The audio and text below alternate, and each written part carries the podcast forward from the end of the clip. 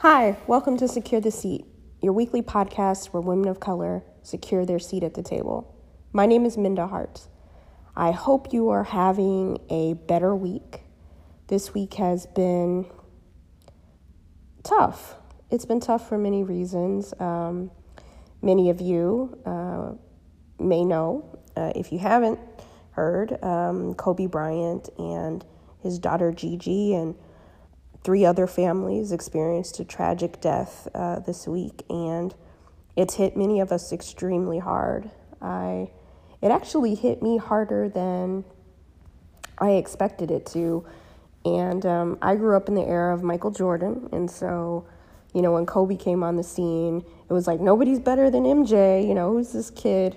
Um, and so I always had this like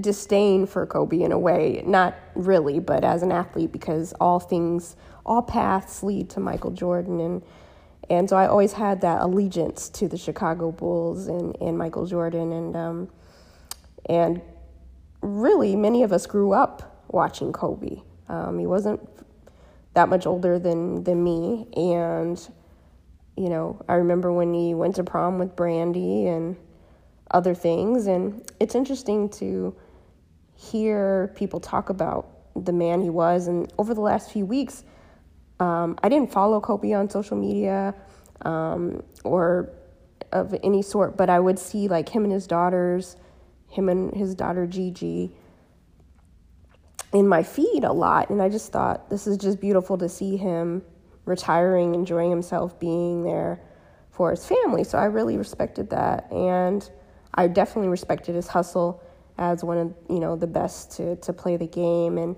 it was just it was heartbreaking. It was absolutely heartbreaking, and I found out like right before I was getting ready to get on a flight, and it, it, just hit it hit really hard. And um, you think about his young daughter having having the whole world ahead of her and not being able to to have the life that that I'm sure she was supposed to have, right? Um, and you're probably wondering, why am I talking about this? Um, and the one thing I will say, because obviously this is a podcast for women of color, um, but we welcome all listeners. And there are nuances, right? There's nuances and complexities to people's character and who they are. And I think about it as yes and, right? You see people online saying really great things about Kobe, then you have people who are bring up things from the past and it made me think about the stories that people will tell about us, right? When we leave this earth, the stories they get to tell of who we were. And um, I wasn't sure if I was going to actually put out a podcast this week. I was been traveling and just with the devastation this week, it just, you know, it kind of makes you want to put some things on pause, but celebrating life. And I haven't done a heart to heart in a few weeks, and so as you can see, this is where we're headed. And um, I just want us to celebrate life. There's a Drake song, um, More Life, uh, and People leave this earth early, but it's what we do right now that counts. And you get to define your narrative the way you want it. So when you think about your career in terms of what you say you want, life is really so short and it blinks. I mean, you blink and months have passed, right? Or it feels that way sometimes. And I just don't want us to let our best years, or how should I say this? I don't want us to give our best years to some of these jobs that don't care about us, right? There's this loyalty factor that many of us as women of color, black women, have to many of these companies and organizations, institutions and they don't have the same loyalty back to us. And it pains me that many of us, I've been there too, we give and give and give to these places, some of the best years of our lives, to places that are not thinking about us, not centering us. And so, as we celebrate life, celebrate your career life as well.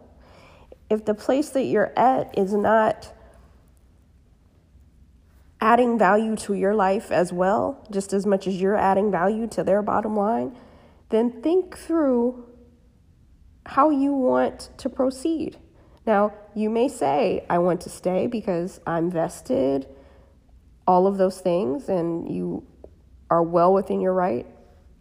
But I also want you to consider centering yourself so that if you do have X amount of time left on this earth, and not to sound morbid of any sort, but I don't want any of us to spend time doing anything that doesn't bring us joy, that doesn't add value. Because again, one thing I can say about Kobe Bryant is he may have died young, but he had he lived such a fruitful life, right? He got up every morning doing what he loves for over 20 years. We'd be lucky, many of us, to say that we get to wake up every day and do what we love, right? Now, no situation is perfect, right? We have wins, we have losses, but what are we doing to have the life that we wake up in the morning and love, right? Not wake up in the morning and dread having to go into that office. If you've read the book, The Memo, What Women of Color Need to Know to Secure a Seat at the Table, I tell a story about a workplace that was beyond toxic. If there was another word for toxicity, it would have that a few of my past coworkers' faces near it. And I think about all the time I wasted trying to make something work there when I knew deep down it was never going to get better. And I wasted so much of my time and my health and my well being in a space, and I can never get that time back. Now, did some good come out of that situation? Yes, because it catapulted my desire to help more black women, more women of color, and I started my company, a podcast, wrote a book, and continue to advocate for for the retention and advancement of women of color in the workplace. But what if I would have spent all that time, even more time there than I should have, right? That I spent a year stressed out, depressed, anxiety ridden, all for a job, all because of I allowed the people to dictate my well being, right? And so I say all that to say that let's find that joy. Let's find that that joy that we deserve. My word for 2020 is abundance. And I am working on it and striving and manifesting for an abundant life in every way, shape, and form. Like no scarcity, no lack. Everything is in abundance. And I'm hope to live so much in abundance that I have a surplus so that I can help others and give to others in various ways. Like that's an abundant mindset. And I can't live an abundance life set, lifestyle if I don't put myself in situations that produce abundance, right? Put myself around people that also have a mentality for more than enough. And so I don't know what your word is or your theme, if you have one, but I would challenge you this week to think about what it's like. What would it mean for you to have more life, more career life, right? Because often we say this, I'm living my best life, right? But what would it look like if you lived your best career life? We spend so much of our time working. So we owe it to ourselves to try to create those environments in which we can thrive and not just survive. And so sometimes when tragedy hits, it requires us to think about the future, think about the present, and let go of the past.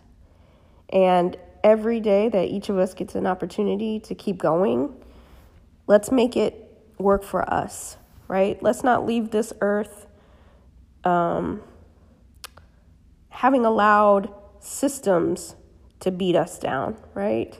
Um, the story that I hope people will say when it's our time to leave this earth is that she lived a full life. She lived an abundant life, right? He lived a full life. They lived a full life inside and outside of the workplace. Because if we're not happy inside of the workplace, we take it outside of the workplace, right? Sometimes when we're not happy outside, we take it in. I mean, that's just how things go sometimes. And so I would just want to leave you with that heart to heart. It's just on my heart for more life. Um, I think it's really important that we encourage one another, we tell each other what we want.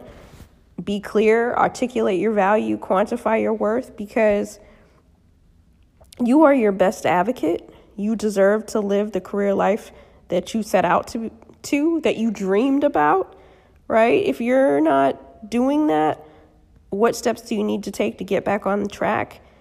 The month isn't over yet, the year isn't over yet. I don't know what's ahead of us, but what I do know is that we get to make the decisions that benefit us. And I just want you to know that again, life is so precious, life is so short to be stuck in a toxic environment and really a toxic relationship with these employers. And again, I know you can't, some of us can't just quit tonight, right? Uh, quit today.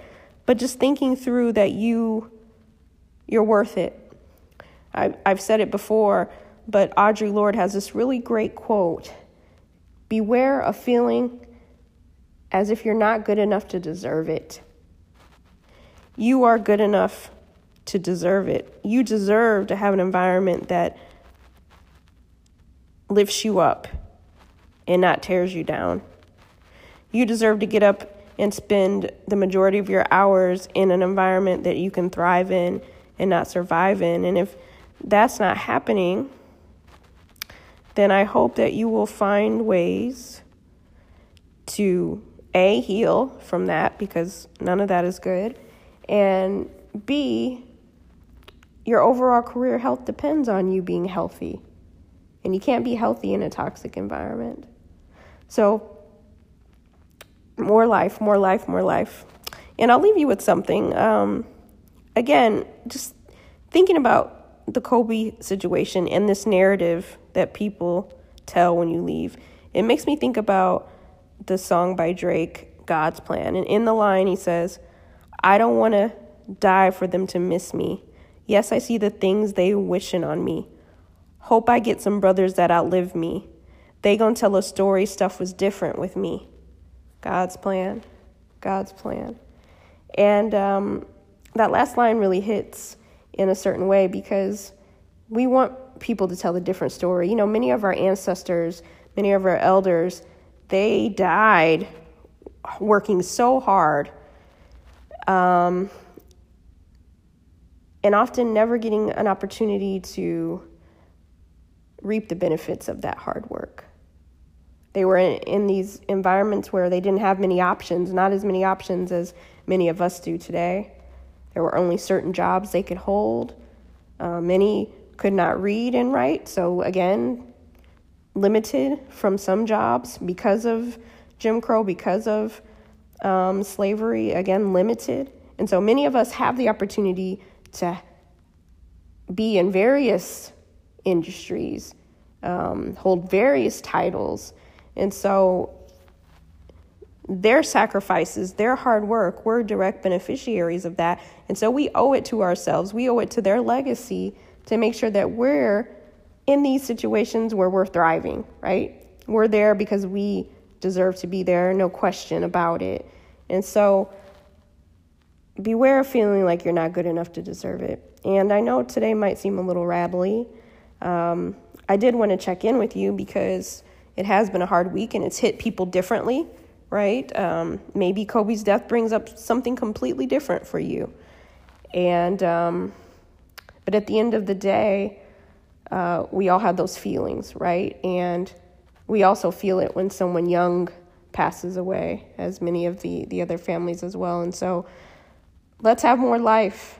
Let's get out there, secure these seats unapologetically, have these tough conversations with your colleagues if they need to be had.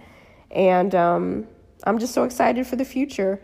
And the, the other thing I want to say is don't be fearful.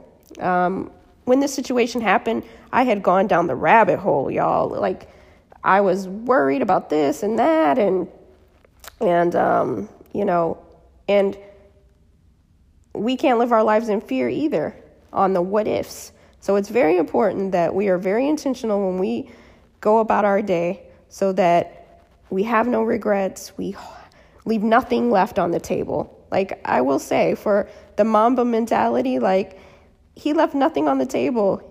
Kobe lived 41 years, but he probably lived a fuller life than some 80 year olds, you know? And so we don't know how much time we have, but let's give it all we got and let's get everything we want out of this life, right? So when we leave it, we leave nothing left. There's nothing left on the table. And so I'm wishing you just a peaceful and blessed week. Keep securing your seat. I gave you my rap lyric, and you know I love them grits. And this week I'm probably gonna have to get some as some comfort food. Um, I start teaching this week uh, back at NYU. Uh, I'm actually recording right now from San Francisco. I had the opportunity to do a workshop at Facebook, which was really awesome, and uh, then spent another uh, day at Lean In. Uh, and I hope to tell you more about that in the future. But both uh, places were great. I did not meet Miss Sheryl Sandberg, uh, but I did meet some people on her team. But I met a lot of phenomenal women of color. Um, over the last couple days and uh, just looking forward to what's ahead. Um, so take care of yourself. Keep securing your seat. If you haven't left a rating or review, uh, or you know of someone who just needs some extra support, uh, send them the podcast. We're here for for each other. Success is not a solo sport. I can't do it without you, and I hope you feel like you can't do it without me. Right? If you win, I win. If I win, you win. And so that's part of living that more life, right? That abundance. And so have a great week. I have some really great episodes on the horizon. And um, find me on the internet. If let me know how you're feeling. And I also want to know what your word is for 2020. So find me at mindaharts.com or on any social media platform at mindaharts. And lastly, uh, if you go to mindaharts.com, you will find uh, an area where you can sign up for newsletter. You can also, in Virtual Book Club, find out where I'll be speaking. I'll be doing a lot of speaking engagements over the next a few months, and so I want you to be there. I want to be able to connect with you. And then also, if you sign up, there's a private LinkedIn group so you can connect with each other. So don't miss out on that. All right, have a good one.